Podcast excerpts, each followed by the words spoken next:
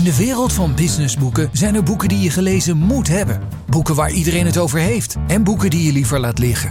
Thijs Peters en Remy Gilling gidsen je door de jungle van nieuwe businessboeken. In de Business Books podcast. Dames en heren, welkom bij de achtste aflevering van de Business Books podcast. De podcast die je bijpraat over de beste, de leukste en meest leerzame businessboeken van het moment. Mijn naam is Thijs Peters en naast mij zit Remy Ludogieling van ondernemersplatform Sprout. Achter de knoppen Gijs Vriezen van voicebooking.com. In deze aflevering leren we hoe je als ondernemer exponentieel kunt groeien zonder dat het misgaat van niemand minder dan LinkedIn-oprichter Reid Hoffman. Hij schrijft het allemaal in zijn boek Blitzscaling. Verder spreken we met de man die onze wereldleiders leert onderhandelen, Harvard-professor Dan Shapiro. We onderzoeken of het nu nog zin heeft om in Bitcoin te stappen naar aanleiding van het boek Bitcoin en andere cryptovaluta van Gert-Jan Lasterie. En duiken we in het verhaal van de grootste oplichtingszaak van de eeuw.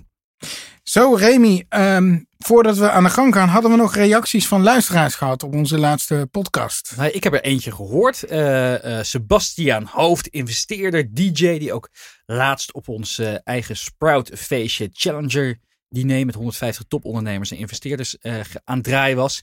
Die schreef een heel mooi bericht op, uh, op uh, LinkedIn. Hij zei namelijk: Ik heb al mijn podcast subscriptions opgezegd op drie na. En raad eens wie een van die drie was. De beste Business Books podcast. De, de Business Books podcast. Ja, dus dat was, nou, was heel fijn. Shout ja, out. Hè, dat, dat is wat de jongeren tegenwoordig zeggen. De SO naar Sebastiaan Hoofd. Ja, en jij? Nou, ik heb ook nog een reactie gehad. Ik bedoel, mijn kinderen hebben geloof ik één keer vijf minuten geluisterd. Oh, leuk, papa is naar de radio. Maar ja, toen vonden ze het zo oninteressant wat ik te vertellen had. Hè? Zij, zij luisteren liever naar YouTubers. We moeten het toen ik zei dat we over Fortnite hebben. Nou ja, toen ik het laatst zei, misschien kunnen we het op gaan nemen. Oh, word je dan YouTuber? Toen waren ze ineens wel weer enthousiast. Uh, maar toen bleek er één familielid, mijn zwager die in Ierland woont. Die blijkt een trouwe luisteraar. Die is aan het binge-listenen nou. Uh, die heeft al vier afleveringen geluisterd tijdens het klussen. Dus dat was ook eindelijk eens een beetje steun van het thuisvolk. Eindelijk een beetje waardering ja, van, ja. uh, van, van thuis. Hey Thijs, we hadden het de vorige aflevering al even over. Jij bent gestopt als hoofdredacteur bij Management Team. Hoe bevalt dat leven als freelancer nou eigenlijk? Uh, je bent free as a bird. Ik ben free as a bird. Ja, uh, het is wel een beetje wennen, moet ik zeggen. Want ik heb nou dan, hè, dan uh, om negen uur denk ik van, goh, ik ga eerst even hardlopen voordat ik ga werken. En het voelt nog steeds een beetje als spijbelen. Zeg nou. stiekem, zeg maar. Stiekem is het nog heel erg lastig. Maar ik moet zeggen, ja, die vrijheid is wel echt, is wel fijn. Maar ja, het is wel lastig. Maar goed, daar moet ik vast een boek over gaan lezen om jezelf elke keer te motiveren. Je moet natuurlijk wel ja, je hebt geen extrinsieke motivatie meer. Dus dat is wel vrij. Uh, je, je, kan, je, kan, wel op elk moment van de dag lekker die boeken gaan lezen. Als, ja. als je daar tijd voor hebt.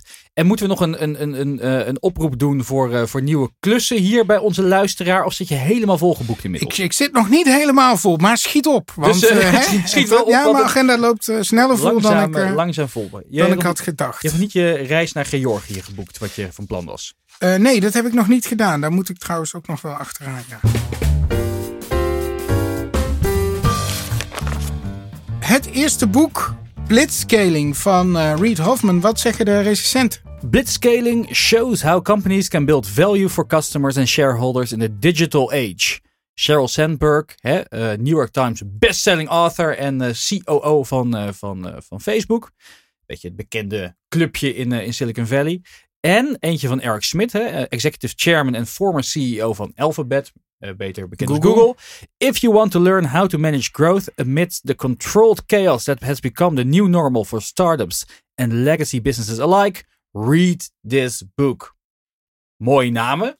Uh, maar goed, dat krijg je natuurlijk als je uh, uh, een van de eerste medewerkers was van PayPal en oprichter van LinkedIn. Dan, dan heb je en, en geen overal gebrek. Geld, overal geld in hebt zitten. Hè? In al die bedrijven. Ja, hij is, hij is heeft... partner van Greylock. Dat is ja. natuurlijk een van de grootste VC's van Silicon Valley, venture capitalists. En ja, het, het, voorwoord is daar ook weer geschreven door Bill Gates.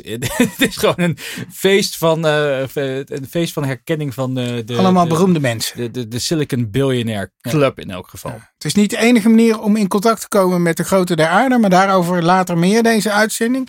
Klopt. Reid Hoffman heeft het allemaal zelf verdiend. Eh, eh, hij, is, hij is ook hoogleraar in Stanford hè, tegenwoordig in Ja. blitzscaling. Hij heeft ook een podcast, dat heet Ja. Masters of Skill. Daar gaat het ook over blitzscaling. Dus het is eigenlijk een soort van de, de, de dode bomen versie van alles wat hij in het verleden heeft, eh, heeft gezegd hierover. Dat is, dat is de samenvatting ook, want jij hebt het boek gelezen. Ik heb het boek, eh, boek gelezen. En eh, ehm, eh, voor, voordat ik gelijk mijn kritiek zeg maar, ga ventileren hierop, laten we eerst eventjes kort vertellen waar dit boek nou eigenlijk over gaat. Eh blitzscaling is het principe dat je als bedrijf, klein of groot, ineens een groeispurt inzet. Een groeispurt die zo groot is dat het tien keer sneller is dan al je concurrenten. En dat het zo snel gaat dat je zelf ook eigenlijk een klein beetje in paniek raakt hoe je dit nou allemaal in goede banen moet gaan leiden. Dus blitzscaling is, is dusdanig snel opschalen dat, eh, dat, dat, eh, dat, dat, dat, dat je er bijna niet meer kan, kan slapen van de paniek hoe je dit in godsnaam gaat, eh, gaat overleven. wat, wat is het moment om te blitzscalen? Dat vind ik wel een interessante. Want ik denk dat heel veel willen het. Maar het Ja. is maar aan weinig gegeven, denk ik. Het is maar een heel weinig gegeven. En hij zegt ook, het is niet altijd nodig. Het enige moment dat je moet gaan blitzscalen is als het noodzakelijk is om eh, je, je echte je, je, je werelddoelen te behalen. Als je echt denkt van, de concurrenten gaan nu zo hard en ik heb echt een beter product, dienst, idee, whatever. Het is noodzakelijk om nu die pijlsnelle groei in te zetten.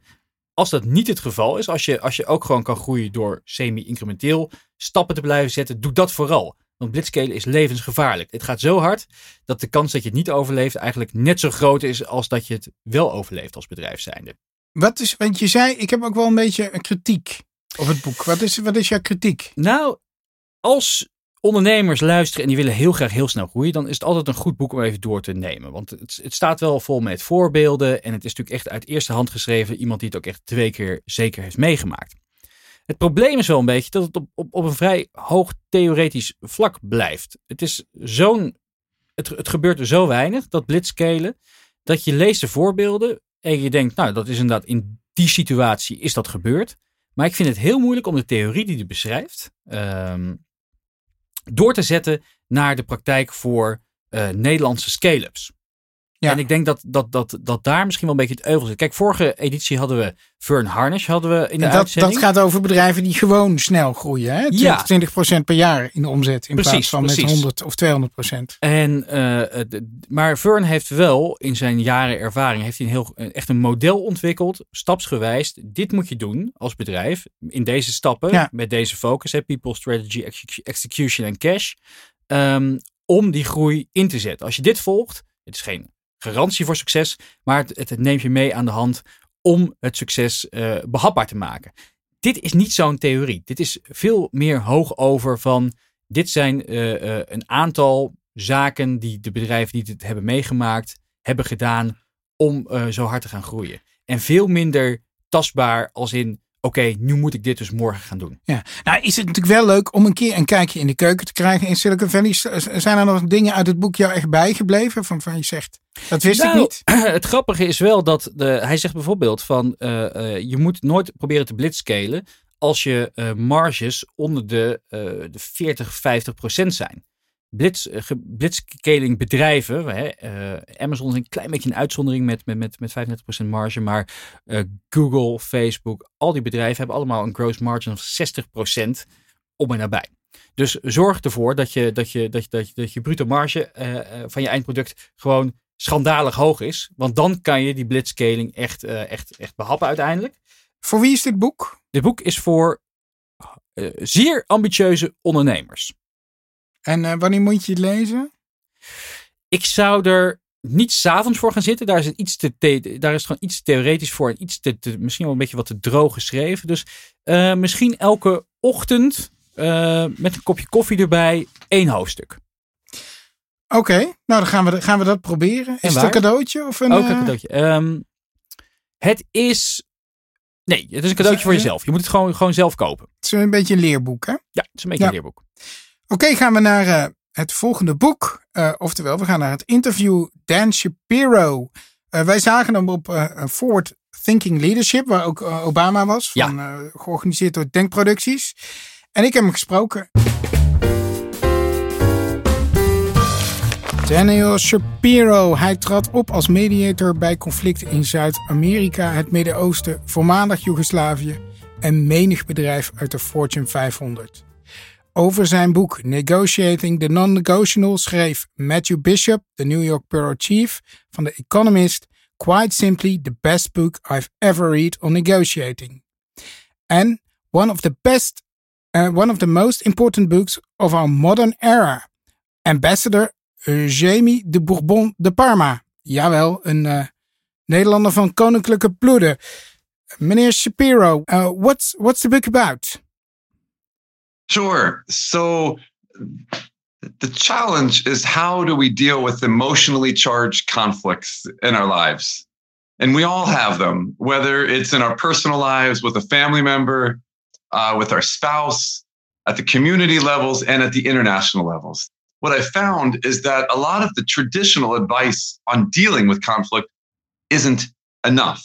It's very rational advice. It assumes that a conflict is a problem that we can solve very quickly and easily. When in fact, often the conflicts that we face in our personal lives, as much as in the international world, they're much more complicated. So the book really is looking at how do you deal with the emotional depths of complex conflict.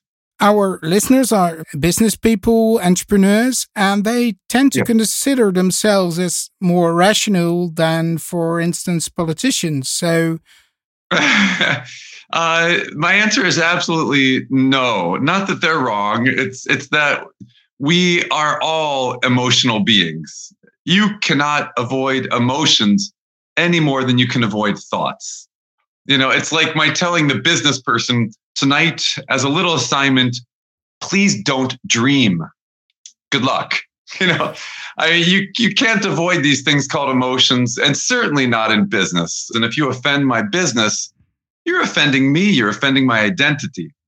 So, no, I, I think for starters, every business person, whether you like it or not, you're emotional.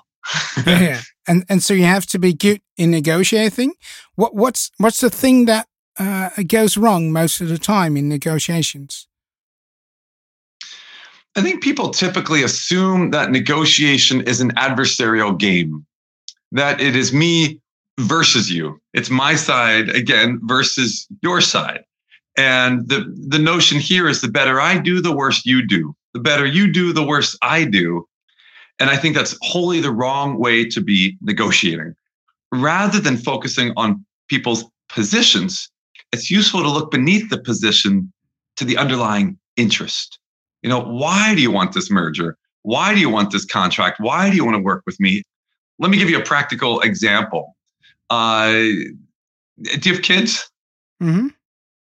I'm sorry. Yeah, how many kids do you have? I've, I've three kids. Three, three kids. You have three kids. Yeah. And um, let's let's suppose you come home after a long day. Two the two younger ones are there in the kitchen, and they are fighting over an orange.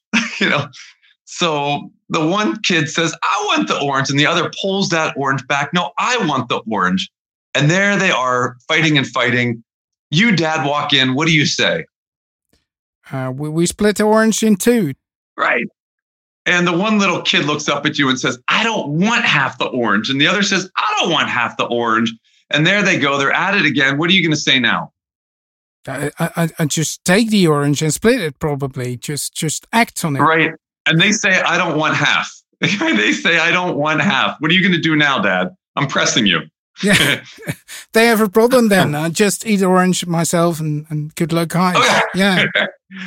so so dad eats this juicy orange all Yeah. himself. Now the kids are angry with each other. They're angry with you. You have a house of problems now. You know, the assumption here, each child walks in with a position. I want the orange. No, I want the orange. That's a position. Business people do that all the time. This is my demand. Well, this is my demand. And what do we end up doing? We often end up compromising, splitting the orange in half, splitting the deal in half, when maybe that's not the best outcome. With these two little kids, I've asked this question now of business leaders around the world. They all respond like you do. No one ever thinks to ask, why do you want the orange? You know, asking each child, what's your underlying interest for wanting this orange? And the one little girl, she looks up at you or, and she says, you know, daddy, I, I have this terrible cold. She wipes her nose. She needs the vitamin C. You turn to the other child. Well, why do you want the orange? And the, the, the you know, the, the smarty uh, seven year old looks up at you and says, You know, I'm taking a class right now, a cooking class. She needs the rind, she needs the outside. There's no ultimate conflict between the two. Yeah. Okay. Uh, in your book, you describe that uh, you should not really focus on emotions when negotiating, but people's core concerns. Uh, uh, why is that? Well, the, the, the emotions drive so much of our business interactions, entrepreneurs' interactions. Mm-hmm. And yet, those things are incredibly complicated to deal with. Take a classic example of, um, I mean, two people negotiating a, a, a contract. Each side is worried, concerned, maybe resentful, wants uh, has pride in the mix. There are dozens of different emotions. And to assume that you have the time and energy as a business person to try to dissect each and every emotion that each person is feeling, it's not going to happen. You know, it's not realistic. And so our research has moved us toward a different recommendation.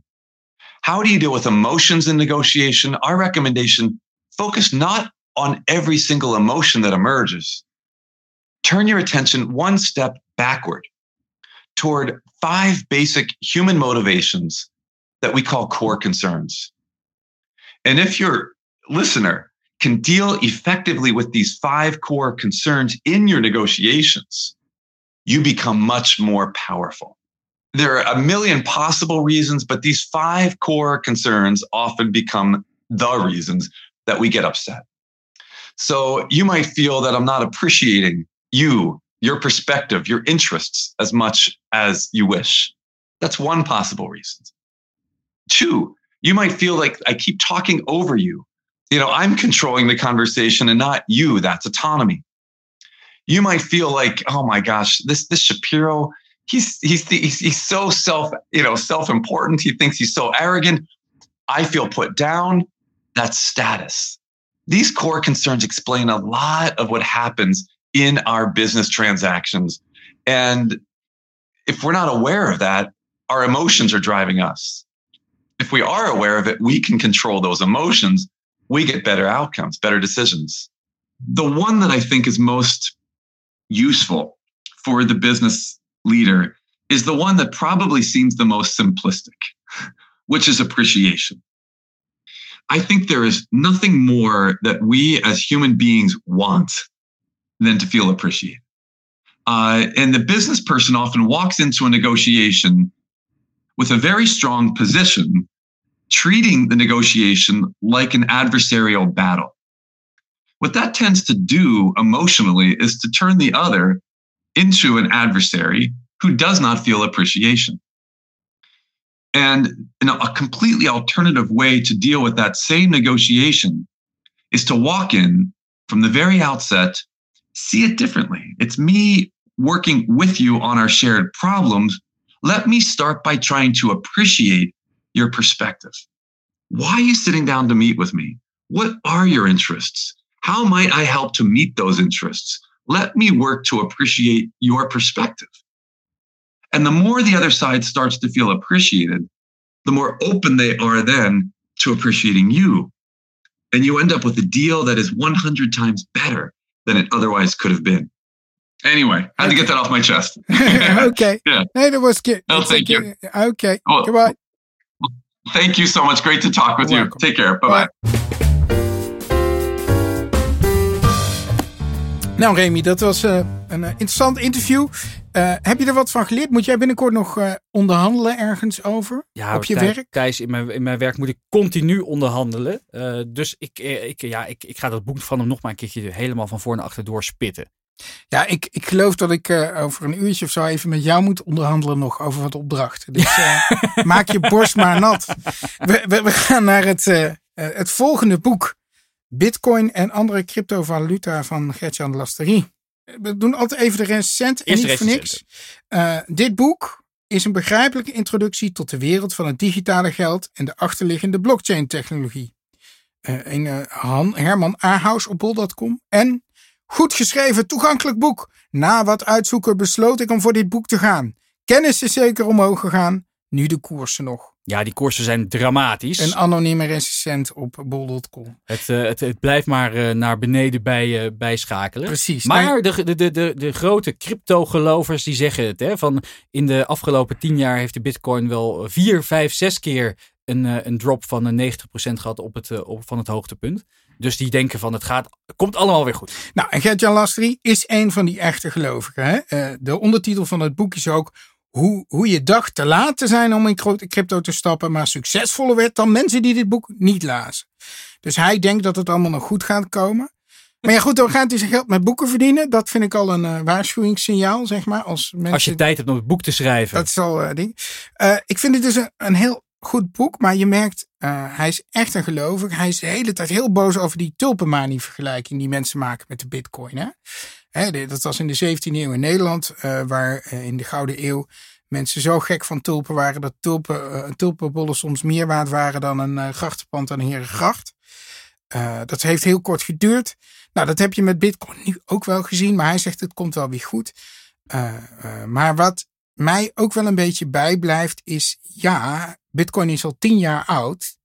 En we zouden pizza's mee gaan betalen en oud. Maar dat is, het is nog steeds als geld eigenlijk vrij onbruikbaar. Het is ook een vrij log systeem. Het kost 10 minuten voordat je een transactie gevalideerd ja. hebt. Dat is, dat is niet te doen in deze tijd. Eh, eh, dat valt eigenlijk niet te doen. En er zijn misschien wel oplossingen voor, maar dat gaat er langzaam. Wat me ook opvalt, het, het, is, het begon als een soort democratische beweging. Hè? Weg met de banken, weg met de centrale banken, geld is weer van ons. Maar het is eigenlijk een hele elitaire valuta geworden, want je hebt heel veel geld uh, of in ieder geval heel veel energie, dus heel veel geld en hele zware computers nodig om te minen bijvoorbeeld, hè, om de bitcoins, nieuwe bitcoins aan te maken. Voor wie is dit boek? Uh, het is voor mensen uh, die serieus overwegen om toch nog in bitcoin of andere cryptovaluta te stappen. Als je dit leest kun je wel meteen beginnen. Dat is wel een winst van het boek. Wanneer moet je dit lezen? Ik zou het s'avonds doen. Geen Netflix, klap je laptop open en dan kun je meteen al die sites die je aanraadt checken. Kun je meteen inleggen, kun je meteen aan de gang. Het is gewoon een praktisch handboek om te beleggen. Eigenlijk. Cadeautje? Zelf kopen? Um, ik zou dit nooit cadeau geven aan iemand. Hè? Want stel dat je het cadeau geeft, iemand steekt zijn spaargeld, uh, spaargeld in bitcoin en gaat er aan onderdoor, dan... Ben jij degene die dat op de volgende verjaardag jarenlang nog op die verjaardag. Ja, precies. Dus zou ik niet doen. Nee. Dan gaan we door naar het laatste boek van de uitzending. Uh, uh, en het is fantastisch. Het is geweldig, vind ik zelf. Uh, A Billion Dollar Whale. Geschreven door Tom Wright en Bradley Hope. Twee journalisten van de Wall Street Journal. Thijs, wat zeggen de recensenten? An epic tale of white-collar crime on a global scale. Publisher Weekly. En nog een keer. An epic true tale of hubris and greed. The Financial Times. En is het echt zo epic? Jij hebt het gelezen. Het, ook, het is alsof je een Hollywood film aan het, aan, aan, het, aan het lezen bent. En ja, ik, ik wil er toch even mee beginnen. Eh, want het, het, komt in het boek letterlijk voor. Dat Jordan Belfort, de Wolf of Wall Street. Uh, op een feestje staat die georganiseerd is door deze mensen. En niet de, de auteurs, maar waar het over gaat. Uh, en dat hij om zich heen kijkt en zegt dit is zo krankzinnig. Dit zijn zulke grote oplichters. Ik wil hier niks mee te maken hebben. Nou, als de Wolf of Wall Street dat over je zegt, dan weet je dat je het heel erg bond hebt gemaakt. Ja. Zal even, even bij het begin beginnen, want het is een verhaal dat heel groot in de pers is geweest wereldwijd, maar Nederland vrij onbekend. Ik wist het niet. Nee, Joe, Joe Low is een uh, Maleiser met Chinese roots. Vader was redelijk rijk, maar nou, een paar miljoen, maar ook niet Goed vreselijk. ja. 15 mio of zoiets. Ja, en zijn, uh, hij stuurt John Lowe, en geloof een, uh, een van zijn jongere zoons, naar Wharton in, uh, in, in, Engeland. in Engeland, naar school. En daar komt hij in de klas bij allemaal rijke oliesheiks. Zoontjes van, van oliesheiks. En, en onder andere ook Riza Aziz, de, de stiefzoon van de premier van Maleisië. Latere premier van Latere Maleisië. premier van Maleisië. En hij wil daarbij horen bij die club. Dus hij start met gokken en hij gaat feestjes geven die hij eigenlijk niet kan betalen. Ja, eigenlijk is het een beetje een, een, een, wat, een beetje schuchtere, misschien wat, wat zielige jongen. En hij wil gewoon bij de big boys horen. Ja, ja. het is een beetje dikker ook, brilletje. Het is nou niet echt... Geen charismatische Nee. man. Maar kennelijk wel heel overtuigend, want hij weet uh, uh, bijna, nou, het is bijna tien jaar lang iedereen om de tuin te leiden. En zijn grote slag, die slaat hij met het oprichten van een zogenaamd Sovereign Wealth Fund. Zo'n staatsfonds. Hij ziet hoe dat in Abu Dhabi en, en, en in Dubai werkt. En hij denkt van dat wil ik ook van Maleisië. En dat heet OneMDB. En in totaal verdwijnt er in dat fonds 13 miljard. Voornamelijk worden obligaties uitgegeven en dat geld komt in dat fonds. En dat geld wordt dan geïnvesteerd.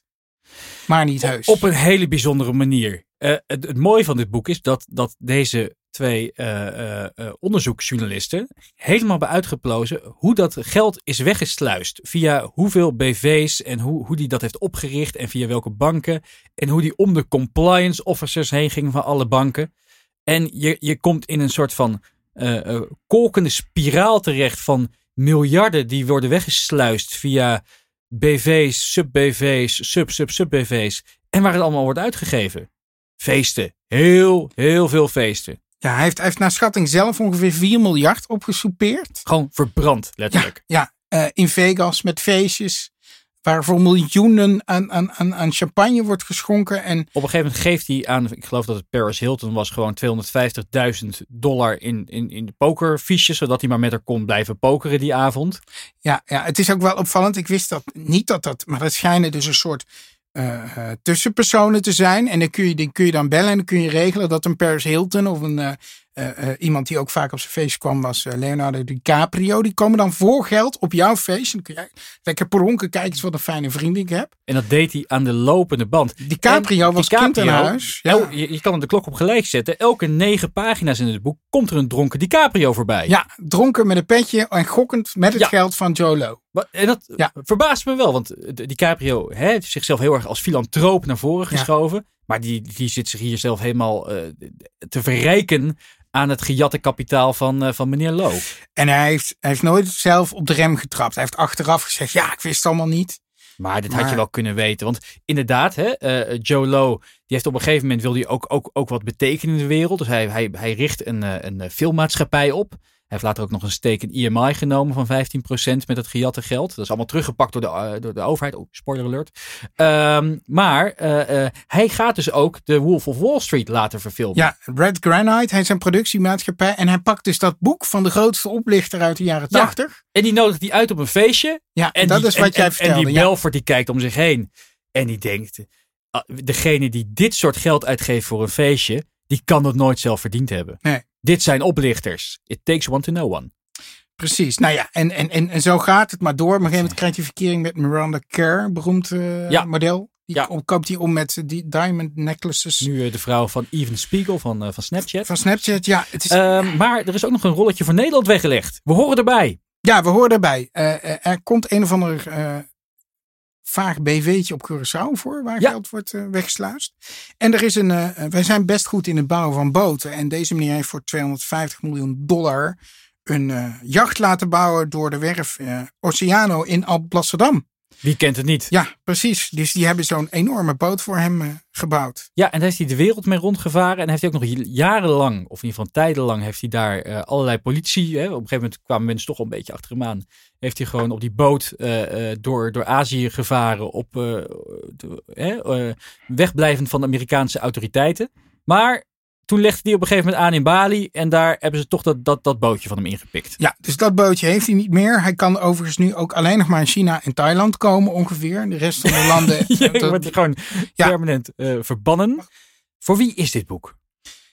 Dit boek is voor iedereen die smulde van de film Wolf of Wall Street. Ja, en, en ja, het, het, het kan nog gekker, dat blijkt. Ja, ja, dit boek. Ja, had, vertelde me toen je het boek net uit had van dit. Ineens lijkt die Jordan Belfort lijkt op een jongetje dat een snoepje heeft gestolen bij Benjamin Kruimelwerk.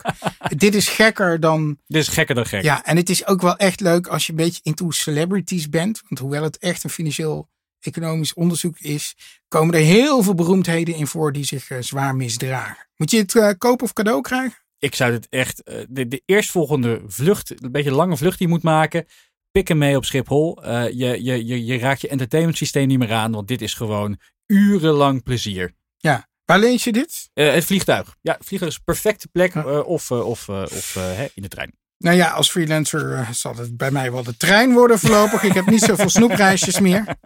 Nou, dan zijn we al aan het slot gekomen. heb je nog tips voor ons, Remy? Nou, ik heb laatst een heel tof interview gehad met de founders van Citizen M. Dat is een vrij hippe hotelketen. Heeft inmiddels 12, nee, 14 vestigingen. en de founders die hebben gewoon op een hele leuke manier gekeken naar wat heeft de moderne reiziger nou echt nodig. Dus hun, je, het is een razendsnelle check-in. Het is een, een, een, de hotels hebben een design waar Philip Stark jaloers op zou zijn. En uh, het, leuke is bijvoorbeeld ook, ze hebben maar één kamer waar je uit kan kiezen. één kamertype. Ze zeggen, weet je, wij bieden gewoon iedereen die bij ons komt het allerbeste wat we kunnen bieden. En, uh, en niks meer, niks minder. Dus super tof. En in het interview op sprout.nl, wat je nu kan lezen, beschrijven ze hoe ze bijvoorbeeld hun, hun personeel ontzettend veel bevoegdheden geven om de gasten maar naar hun zin te maken. En ze, eh, de, de oprichters horen zelf tot de support office. Zo staat het ook op een kaartje. Dat is Oké, okay, interessant. Ga het lezen. Nou, ik heb ik zelf ook wel een tip. Alleen dat, dat is een tip voor de toekomst. Ik ga volgende week uh, Max Techmark interviewen. De, van het boek Live 3.0. Hebben we in de eerste aflevering hebben we dat besproken. Ja, businessboek van het jaar. het was voor mij nog wel ja, het boek van 2018 nog wel. En ik, uh, het boek is wat ouder, hè, want dat was een Nederlandse vertaling die we toen besproken hebben. En ik ben heel benieuwd wat hij nu vindt van dat gedoe rond Facebook en die manipulatie van de verkiezingen. Want dat was volgens mij net na zijn boek gebeurd. Hij heeft er ook mhm. niet voor over. Uh, maar dat lijkt al een beetje op wat hij in het boek schrijft. Dat kunstmatige intelligentie uh, soms fout kan gaan. Omdat de doel van een computer niet altijd het doel van het mens hoeft te zijn. En wij denken dat we die computer precies kunnen vertellen wat hij moet doen. Maar kunstmatige intelligentie is intelligent, die kan een eigen doel kiezen. Waar, waar kunnen we dit, dit mooie interview gaan lezen straks, Thijs? Ik, uh, nou, daar moeten wij nog even daar over gaan we over onderhandelen. Daar gaan we even over onderhandelen zo. Waarschijnlijk uh, op managementteam.nl. Dat denk je. We gaan, we gaan, we gaan, we gaan, we gaan, we gaan kijken. Uh, dat was het alweer, de laatste aflevering van 2018. Ah, oh, gaan we door in 2019, Thijs? We gaan zeker door. We gaan in ieder geval. Ja, wil je, wil je dat we doorgaan? Laat het ons even weten. Hè? Dus mail even naar podcast.mt.nl of uh, schrijf een recensie uh, bij iTunes. Want dat helpt je ons en anderen om uh, de podcast beter gevonden te laten worden. En wat we in ieder geval gaan doen, we gaan met, ik denk met Jim Stolzen praten over zijn nieuwe boek. Ja, in januari. Dat wordt tof. Uh, en ik heb nog wat boeken op mijn lijstje, maar ik weet nog niet zeker. Daar moeten wij ook nog over onderhandelen. Uh, maar voor het zover is, uh, vergeet je niet te abonneren op onze podcast via Soundcloud, iTunes Spotify. of Spotify. En laat vooral inderdaad reacties achter. Bedankt voor het luisteren en heel graag tot de volgende keer. Tot zover de Business Books Podcast. Meer afleveringen luisteren? Abonneer je via iTunes of Soundcloud en krijg een melding wanneer er een nieuwe aflevering live gaat. De Business Books Podcast is een uitgave van Sprout en Management Team en wordt geproduceerd door voicebooking.com.